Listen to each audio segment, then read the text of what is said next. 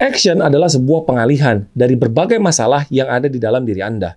Nah, sebenarnya masalahnya itu adanya di dalam diri Anda. Ketika masalahnya ada di dalam diri Anda, yang harus Anda lakukan adalah selesaikan masalah di dalam diri Anda, bukan dengan action.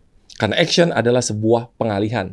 Contoh misalnya, target Anda belum tercapai. Solusinya bukan dengan action, presentasi, atau prospek. Bukan dengan itu, karena bisa jadi masalahnya bukan dari presentasi Anda, bukan dari prospek Anda, tapi masalahnya adalah karena belief Anda, value Anda, atau mindset Anda yang membuat Anda ketika Anda presentasi makanya sering ditolak.